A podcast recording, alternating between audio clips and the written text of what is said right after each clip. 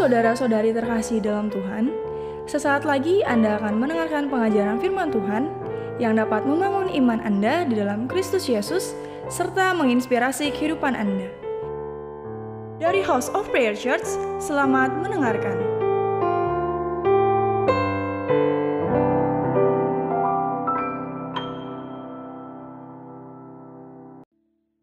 Shalom Bapak Ibu yang dikasih Tuhan. Saya sebelumnya minta maaf ini suara kok habis ya. Tenggorokan agak terganggu. Kemarin di GPI Gajah Mada, semalam di GKY. Hari Jumat di Persekutuan SAD GKI Gading Serpong.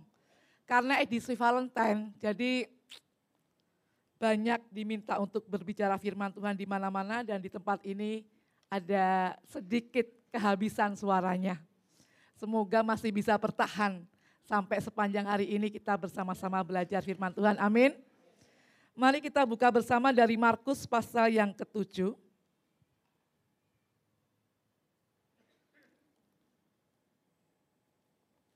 Injil Markus pasalnya yang ketujuh, ayatnya yang ke-31 sampai dengan ayat yang ke-37.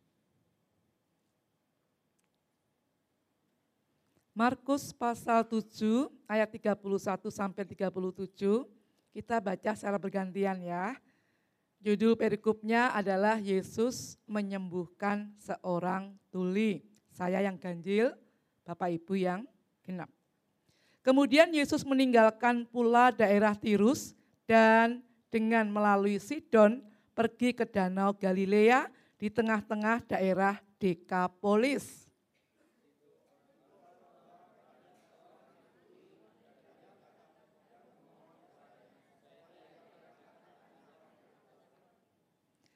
Dan sesudah Yesus memisahkan dia dari orang banyak, sehingga mereka sendirian, ia memasukkan jarinya ke telinga orang itu, lalu ia meludah dan meraba lidah orang itu.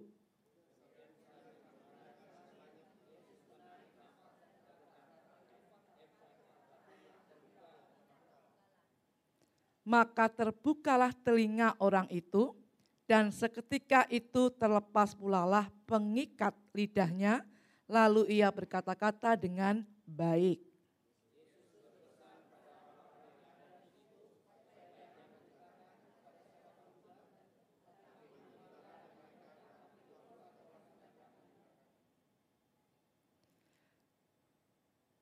Mereka mereka takjub dan tercengang dan berkata, ia menjadikan segala-galanya baik. Yang tuli dijadikannya mendengar, yang bisu dijadikannya berkata-kata. Puji nama Tuhan. Jadi hari ini kita belajar temanya relationship. Itu yang diberikan pada saya untuk kita belajar bersama-sama. Dari perikop firman Tuhan ini tadi, perikopnya adalah judulnya Yesus menyembuhkan seorang tuli Tuli itu kalau mendengarkan nggak bisa. Di situ juga ada orang yang bisu, gagap dikatakan, datang kepada Yesus. Gagap itu juga kalau ngomong susah. Artinya baik tuli maupun bisu, itu bagian kita tentang komunikasi. Relationship, kata dasarnya relasi. Relation. Itu berbicara tentang komunikasi. Konflik-konflik apa pun itu pasti dasarnya dari komunikasi yang tidak beres. Nah di ayat yang ke-37, khususnya bagian B, dikatakan bahwa iya, inya besar di situ ya. Iya, inya besar berarti iya itu Yesus. Ia menjadikan segala-galanya baik. Yang tuli dijadikan untuk bisa mendengar. Yang bisu dijadikan bisa berkata-kata. Artinya apa? Artinya Tuhan Yesus itu tidak suka ada penghalang-penghalang dalam komunikasi. Tuhan Yesus itu senang sekali ketika kita komunikasinya lancar. Ketika kita ini senantiasa tidak mengedepankan ego dan konflik kita. Ketika kita bisa menjalin damai sejahtera hubungan. Ketika kita tidak mengedepankan keakuan kita, kita merasa paling pandai. kita merasa paling bisa. Itu yang kemudian terjadi namanya relationship. Sebuah relasi yang rusak, yang tidak baik, konflik. Sekali lagi Tuhan mengatakan, aku ingin menjadikan segala-galanya baik. Aku ingin menghilangkan penghalang-penghalang komunikasi. Makanya yang bisu jadi bisa berkata-kata. Yang tuli bisa menjadi mendengar. Yang kita harus pahami, kita semua yang duduk di sini nggak ada yang tuli. Ya toh? Kita yang duduk di sini nggak ada yang bisu. Tapi kenapa kita sering kali menciptakan relasi-relasi yang nggak baik? Kenapa kita sering kali memunculkan konflik-konflik yang memanas? Banyak keluarga-keluarga yang udah kepanasan. Artinya ngomong dikit ribut, ngomong dikit ribut. Hatinya soalnya selalu didasari dengan hati yang panas. Ya, hati itu gudang raksasa, tempat kita menyimpan perbendaraan yang baik. Ya, termasuk juga perbendaraan yang buruk. Tapi hidup dalam Tuhan, kita harus mengeluarkan hal-hal yang baik. Amin. Itu untuk menjaga relasi. Sekali lagi berbicara relasi itu berbicara masalah komunikasi atasan bawahan konflik karena komunikasinya nggak beres. Karena hatinya benci, nggak ada rasa hormat, iri. Mari kita cek perbendaraan di hati kita. Lebih banyak yang positif, yang baik, atau kita menyimpan hal-hal yang lebih buruk, busuk. Banyak keluarga-keluarga yang mulai kedinginan, membeku bahkan. Pulang-pulang, tapi nggak pernah bercanda. Nggak pernah ngobrol. Pulang ke rumah, pulang ke rumah. Tetapi kamu ya kamu, aku ya aku. Lu, lu, gue, gue. Akhirnya konflik. Suami istri sedikit ribut, sedikit ribut. Ada seorang suami istri yang selalu kalau ngomong kemudian ribut, ngomong ribut. Pas ribut dia lari ke kamar, cari surat nikahnya.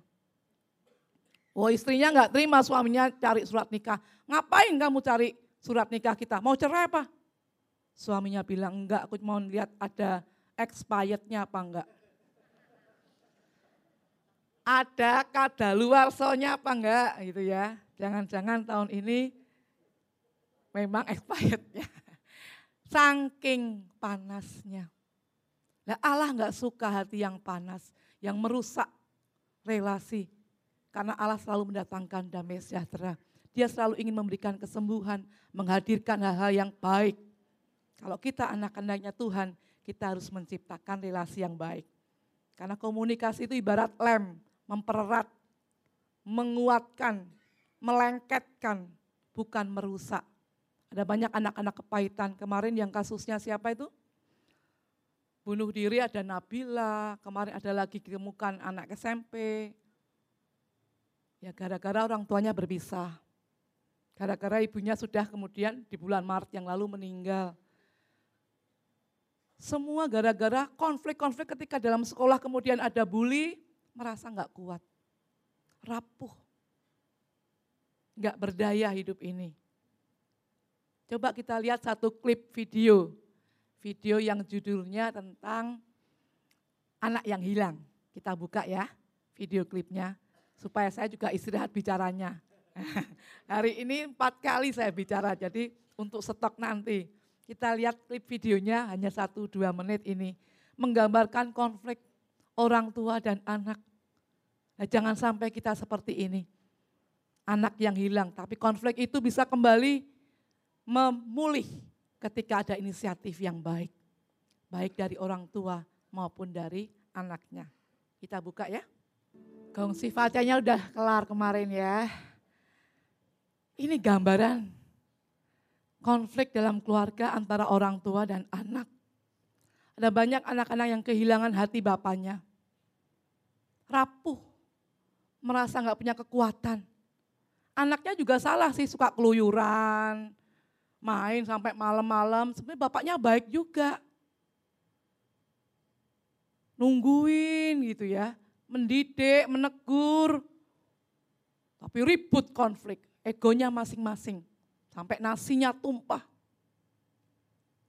Ketika konflik terjadi merasa kemudian ada keterpisahan, ada jarak, Ada relasi yang terputus. Akhirnya ada perceraian secara emosi. Lu, lu, gue, gue. Tapi ketika ada niat yang baik untuk kembali menggendong, melatih, mengajak, meminta maaf, pemulihan terjadi. Amin. Dan itu ada dari dua belah pihak. Tadinya anaknya dikasih makan nggak mau. Disuruh ini nggak mau. Udah jengkel sama bapaknya. Tapi ketika ayahnya kemudian menggendong, Pah mau apa sih? Apa yang kamu kerjakan? Mau kembali meminta maaf. Anaknya dengan sukacita memanggil bapaknya kembali. Pah, mah. Jadi konflik ketika terjadi, relasi yang tidak baik terjadi, itu dibutuhkan kedua belah pihak untuk bisa kembali berdamai. Kalau mengampuni kadang-kadang kan sepihak. Mengampuni itu kadang-kala, aduh sebenarnya saya layak untuk marah.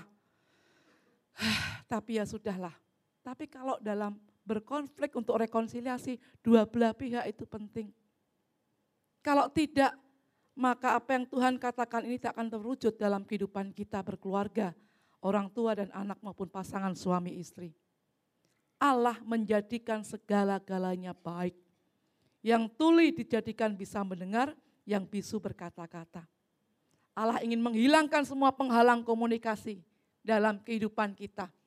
Yang membentuk relasi-relasi yang buruk, keegoisan kita, ambisi kita. Tuhan berkata berbahagialah orang yang lembut hatinya. Ya, berbahagialah orang yang miskin di hadapan Tuhan Lembut hatinya berarti mau untuk diajar, mau dididik, mau mendengar. Mari kita lembutkan hati kita. Karena hati yang keras merupakan salah satu penghalang di dalam komunikasi dan membangun relasi. Kadangkala orang hanya memikirkan hal-hal yang bahagia itu secara duniawi yang kasat mata. Dia lupa bahwa bahagia itu sumbernya dari Allah yang tidak kelihatan yang bisa membangun kita semuanya hubungannya menjadi baik. Bahagia bukan punya mobil berapa, bukan tinggal di rumah mana. Makanya orang-orang pada lupa karena itu yang dicari. Dia lupa mengabaikan hati, mengelola hati, mengelola emosi.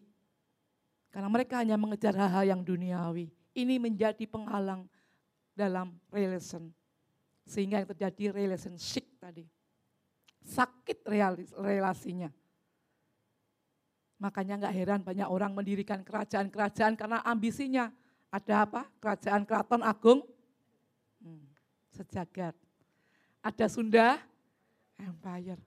Karena menurut mereka kebahagiaan itu adalah punya uang banyak, miliaran, punya masa, pakai seragam yang keren. Sementara Tuhan melihat hati setiap kita, bukan lihat hal-hal yang dimiliki seperti itu. Coba next berikutnya slide berikutnya. Ya, setiap kita itu harusnya hendaknya cepat untuk mendengar. Kenapa Tuhan memberikan kita dua telinga dan satu mulut? Karena setiap kita harusnya lebih cepat mendengar daripada ngomel. Ngomong terus. Wanita itu kan setiap hari sudah berapa ribuan kata. Ya, nah, kalau nggak ngomong kecut ibu mulutnya harus cepat mendengar dan lambat untuk berkata-kata juga lambat untuk marah. Amarah menjadi penghalang relasi. Jadi penghalang relasi itu banyak sekali sikap ego kita. Termasuk ketika kita ambisi untuk harta, untuk jabatan, tahta, bahkan untuk cinta. Setiap hari kalau kita lihat di TV itu ya, 86 misalnya, atau sergap, Pasti ada istri membunuh suami gara-gara ketahuan selingkuh. Sebaliknya juga, suami membunuh istri kadang-kadang diduakan cintanya. Kalau ketahuan juga misalnya bupati di tempat ini, korupsi, harta, tahta, cinta. Itu menjadi bagian dari bahan untuk membentuk relasi yang rusak.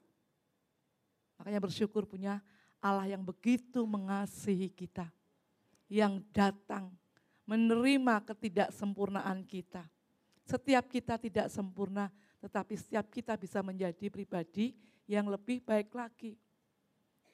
Ini kalau kita ngomong-ngomong masalah kita cinta, anak-anak muda ini seneng. Ada klip tentang video Dilan, coba. Ada video Dilan di situ bisa diputar ya. Satu menit doang. Kita belum nonton Dilan pas sudah?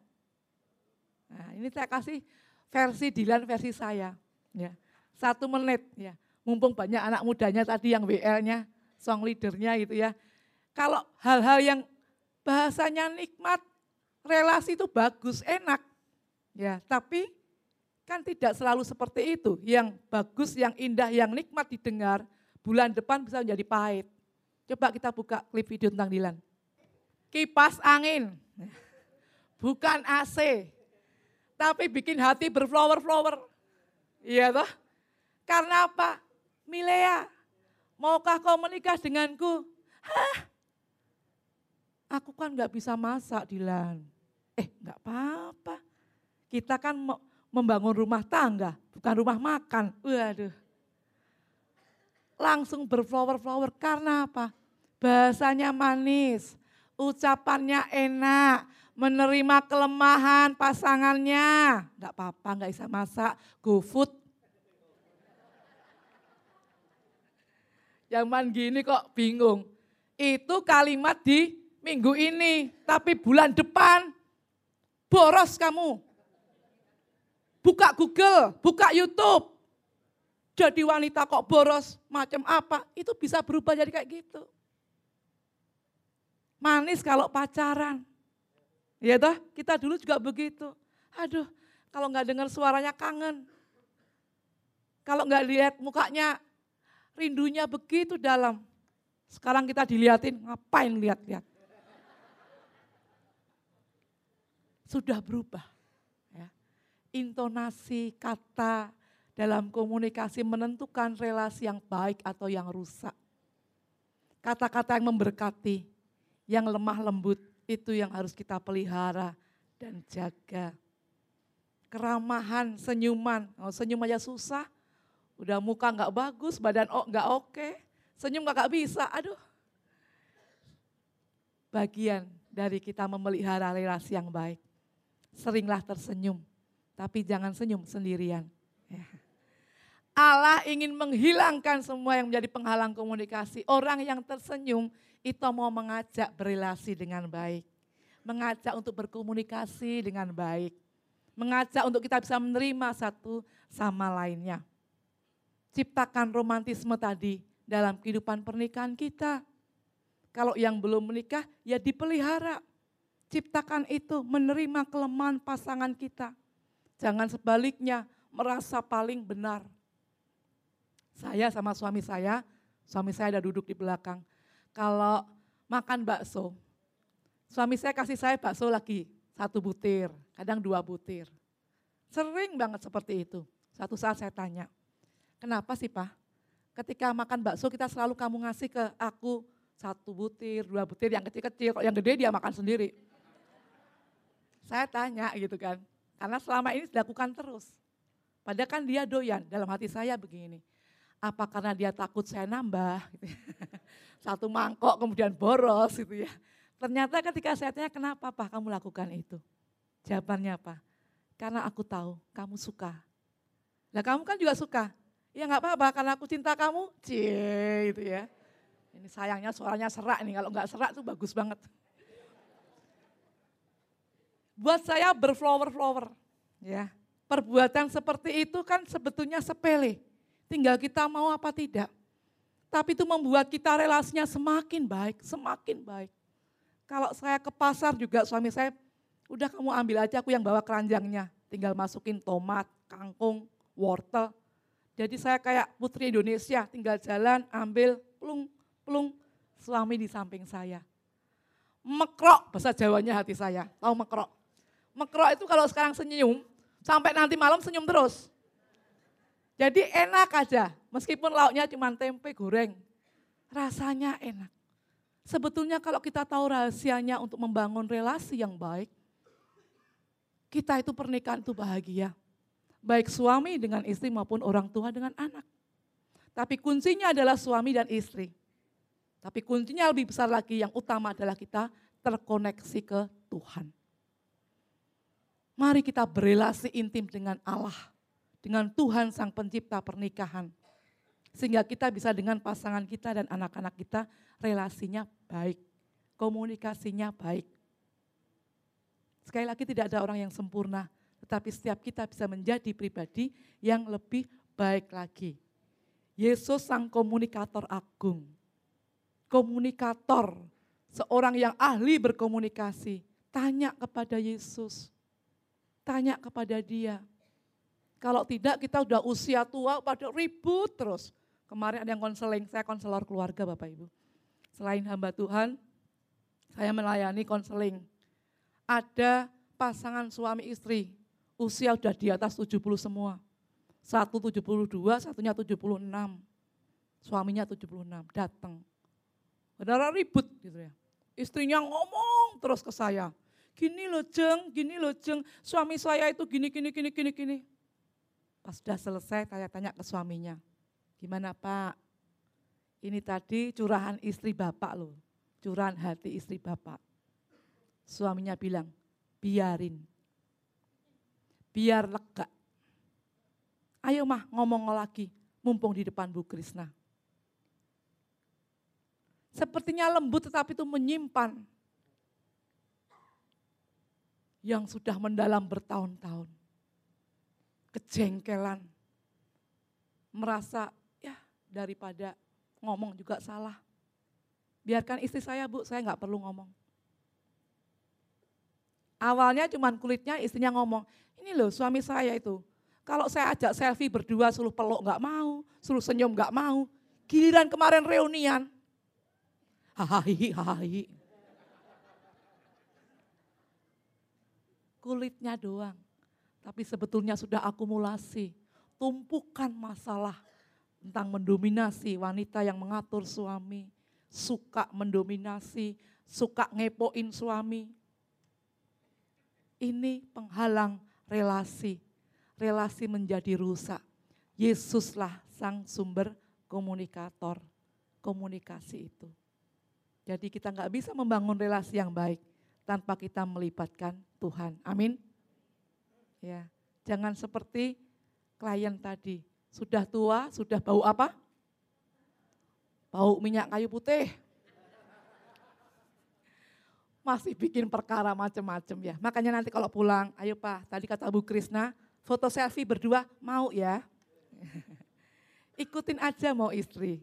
Senyum Pak, peluk, cium, ikutin aja. Apalagi dalam edisi Valentine Day. Wah ini makanya bajunya untuk WL-nya ya, worship leadernya masih pinky-pinky.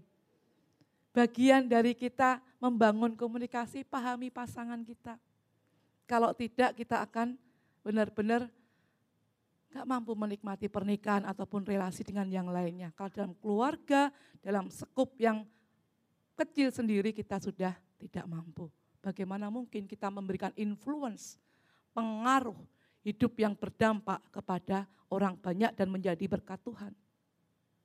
Next berikutnya, slide-nya. Berikan telinga Anda kepada setiap orang. Ya, namun kurangi bicara Anda. Ini ahli komunikasi Shakespeare.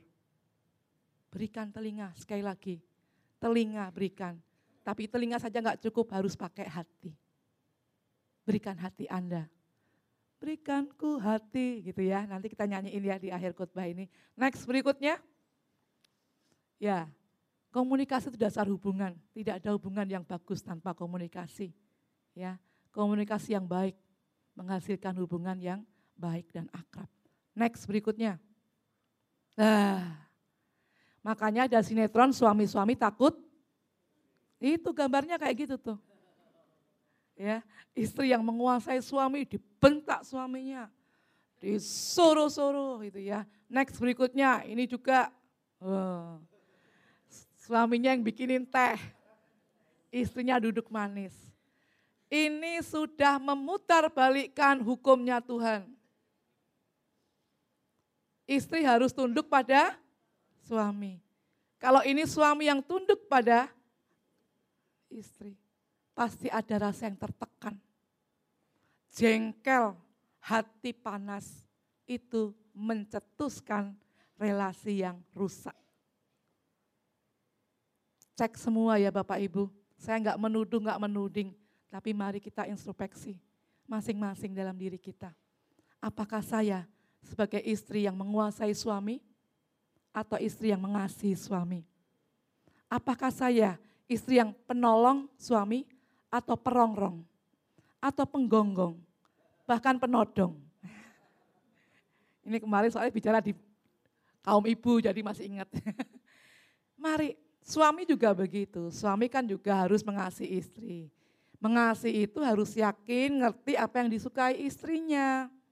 Jangan kemudian mau maunya sendiri, aku kan kepala, bukan begitu. Jadi Allah memberikan hukum itu sejajar. Istri tunduk pada suami, suami mengasihi istri. Ngerti nggak apa yang membuat istrimu tersenyum? Atau kamu suami-suami justru sering membuat istri menangis? Membuat istri galau, membuat istri nggak nyaman? Jawab sendiri. Kalau itu yang terjadi, relationship pun terjadi. Hubungan yang rusak pun terjadi. Ya. Kita mau senantiasa hidup ini rukun, hidup ini damai. Tapi kadangkala keegoisan kita, ketidakmampuan kita mengerti, itu menjadi sesuatu yang merusak hubungan. Coba satu klip video lagi supaya suaranya dihemat buat nanti sampai sore. Video yang judulnya tentang a father love. Bagaimana cinta seorang ayah pada anaknya, tapi anaknya kadang-kala nggak ngerti. Tapi itu menggambarkan cinta kasih Allah Bapa yang sampai mati mau memberikan pada kita. Video klip yang a father love. Luar biasa ya Bapak Ibu. Keinginan orang tua hanya anaknya bahagia. Dia menyadari ketidaksempurnaannya. Saya nggak bisa bicara seperti ayah-ayah yang lain. Saya tidak sempurna, nggak bisa dengar seperti ayah yang yang lain. Tapi saya punya harapan besar buat kamu. Kamu tumbuh dengan bahagia, hidupmu bahagia, belajar yang giat, harapannya untuk kamu sukses. Tapi kadangkala anak oleh karena lingkungan, oleh karena teman-teman pergaulan yang tidak baik, relasi yang tidak bagus, dia diolek, diacek-acek, diolok-olok, panas hatinya. Sekali lagi butuh Tuhan. Buat kita bisa membangun relasi yang baik, memberikan rasa aman pada anak-anak kita. Jangan-jangan selama ini kita menjadi orang-orang yang menjadi penghalang untuk kita dekat. Kita sudah menyiapkan gap kita menciptakan jarak antara anak dan kita sendiri sebagai orang tua atau dengan pasangan. Kita melukai. Bapak tadi luar biasa cintanya. Toh demikian anaknya pun tak paham. Anak-anak yang hadir di sini saat ini. Pahamilah sebenarnya tujuan orang tuanya melihat kamu hidup bahagia. Bahagia di dalam Tuhan iman kamu. Bahagia dalam masa depan kamu. Jadi kadang-kala kok cara mendidiknya keliru, semata-mata bukan salah orang tua. Bukan saya membela, tapi dia juga ada andil dari orang tua masa lalu. Kakek, nenek, oma, opa. Jadi yang terbaik adalah kita berrekonsiliasi. Membangun relasi kembali yang baik. Supaya keutuhan tercipta sehingga berkat itu mengalir. Sungguh alangkah indahnya bila saudara semua hidup rukun. Maka berkat yang dari jauh pun Sion akan turun yang tidak mungkin menjadi mungkin. Dan itu turun dari kepala. Bapak-bapak, para suami. Awalnya berkat itu turun dari Anda. Kemudian ke leher, ke istrinya penopang. Sampai ke janggut, ke jubah, ke anak cucu Anda. Ketika kita hidup taat. Ketika kita hidup menciptakan kedamaian. Hidup mengikuti aturannya Tuhan. Bukan aturan kita sendiri dan mau-maunya kita sendiri. Makanya hari ini saya mau mau bagi duit buat Bapak Ibu semuanya ya. Duitnya bukan duit untuk beli pecel atau beli ayam. Duit saya D-nya itu doa. Untuk bisa membangun relasi yang baik, utamakan relasi dengan Tuhan dulu. Duitnya D itu doa. Relasi dengan Allah harus benar. Kemudian punya usaha. Ya ayo dong ngajak ngomong yang baik. Ayo dong ngomong yang lembut. Ayo kita mulai menegur duluan. Kita sapa duluan. ajak jalan-jalan, ajak bicara apa kesukaan anak-anak kita, kesukaan pasangan kita. Kita mau ke mana nih? Kamu pinginnya apa mah? Pinginnya apa pah? D-nya tadi apa? Do? Doa. U-nya apa? Usaha. Ada bagian yang dari kita harus lakukan. Tapi kita nggak akan berhasil untuk membangun relasi yang bagus tanpa menghadirkan Tuhan. Kemudian duit, I-nya itu iman. Hidup jangan hanya melihat fakta-fakta, pengen tas ini, pengen mobil ini, pengen rumah seperti ini. Lebih dari itu Tuhan mengatakan dalam di Matius bahwa hidup itu jauh lebih penting daripada pakaian. Hidup itu lebih penting daripada makanan. Artinya hidup kekekalan dalam Tuhan. Hidup yang sudah Kristus berikan, keselamatan itu harus kita pelihara iman itu, kebaikan, damai sejahtera, cinta, kasih, kesabaran. Itu yang kita upayakan terus. Jangan pusing dengan pakaian, dengan hal-hal duniawi yang lainnya. Maka semuanya akan ditambahkan kepada kita. Ketika itu hidup kita sudah benar. Ketika hidup kita sudah mengikuti apa maunya Tuhan. Matius 6 ayat 33. Carilah dahulu kerajaan Allah dan kebenarannya. Maka semuanya itu akan ditambahkan kepadamu. Cari apa maunya Tuhan. Menghadirkan damai sejahtera. Berarti relasi harus baik. Kasih harus dikedepankan. Kasih yang unconditional love. Kasihnya Tuhan. Kasih yang tidak bersyarat. Itu yang harus diupayakan. Untuk mengasihi siapa pun. Orang-orang terdekat terutama yang hadir dalam kehidupan kita. Sehingga relasi kita sehat. Konflik-konflik bisa diminimalkan. D tadi apa? Doa. U-nya usaha. I-nya iman. Yang terakhir T-nya adalah taat lakukan apa maunya Tuhan. Lakukan apa yang Tuhan perintahkan. Niscaya hidup kita akan dipenuhi damai sejahtera. Amin. Jangan seperti gambar itu. Oke, next berikutnya. Ya, ini saya dan suami saya. Senang kalau dipeluk seperti ini. Nanti pulang pada berpelukan. Kayak teletabis gitu ya. Berpelukan gitu kan. Mumpung masih ada. Ada waktu yang Tuhan berikan Kok nanti udah meninggal, udah berpisah. Meloknya udah gak berasa. Kita butuh kehangatan, dipeluk, dicium. Kemarin saya mimpin di GKI Gading Serpong tentang api romantisme dalam tungku perkawinan. Tungku itu wadah, perkawinan itu suatu tempat. Untuk bagaimana terus menciptakan kehangatan. Tungku itu enggak berkobar-kobar yang apinya banyak, kepanasan enggak. Tapi hangat yang dibutuhkan. Dan kehangatan itu tercipta ketika ada dua belah pihak mau untuk saling berusaha hangat. Ya, lakukan firman Tuhan. Istri tunduk pada suami. Mau dipimpin oleh suaminya. Mau didengar, diajar oleh suaminya dan mendengar. Suami mengasihi istri. Lakukan yang memang membuat istri Anda bahagia. Jangan buat dia menangis, sedih, sakit hati, bahkan sakit-sakit yang lainnya. Ya, next berikutnya. Nah ini kalau orang masih pada muda-muda yang mau nikah atau baru bulan madu, namanya bulan madu ya hitungannya bulan, nggak ada tahun madu. Ya. Enam minggu menikah, aduh ayo sayang mau tidur ya muah. Sudah berapa bulan gitu ya, ah geser ah, lampunya matiin. Udah berapa tahun kamu tidur di luar aja lah. Panas, dengan kamu tuh kok panas. Komunikasinya berubah. Dari yang tadi manis menjadi kasar menjadi egois. Akhirnya ada keterpisahan, ada jarak, relasi yang tadinya intim menjadi terpisah dan akhirnya relasi perceraian emosi. Kalau hati udah nggak ada, bisa terjadi perceraian yang sesungguhnya. Padahal Allah selalu ingin kita bersatu. Usahakanlah kesatuan. Allah membenci perceraian, berarti yang diusahakan kesatuan. Perceraian terjadi karena ego kita, karena relasi yang tidak baik. Semua dasar hubungan yang tidak baik ada di dalam komunikasi. Makanya cek komunikasi dengan Tuhan itu yang pertama harus diutamakan, diusahakan. Jadi hari ini sekali lagi nanti pulang bawa duit saya. D-nya adalah doa, U-nya usaha, I-nya iman, dan T-nya pintar semuanya. Ya. Satu klip terakhir untuk menutup karena saya harus lari ke jembatan lima. Ya, tentang kematian. Ya, tadi sudah senang-senang tentang love, tentang konflik, ini tentang kematian.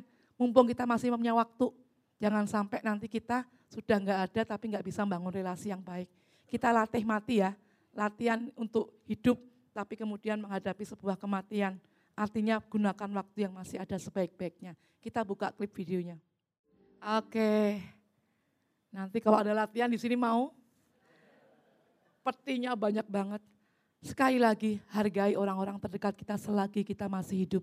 Jangan kita saat dipanggil Tuhan, kita masih memendam kebencian.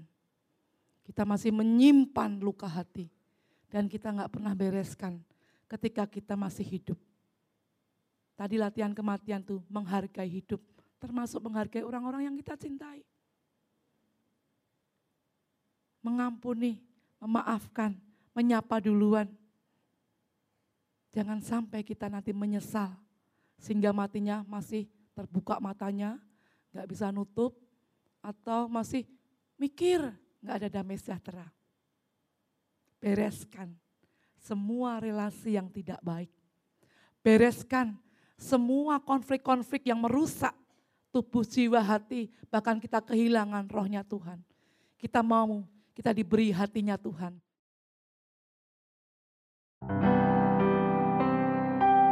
Anda telah mendengarkan sharing firman Tuhan yang disampaikan oleh hambanya. Untuk mendengarkan rekaman khotbah lainnya, anda dapat mengunjungi website hope.church/sermon atau streaming melalui handphone Anda Hope Church Podcast di Spotify dan Apple Podcast. Tuhan Yesus memberkati. Strong families, strong generation.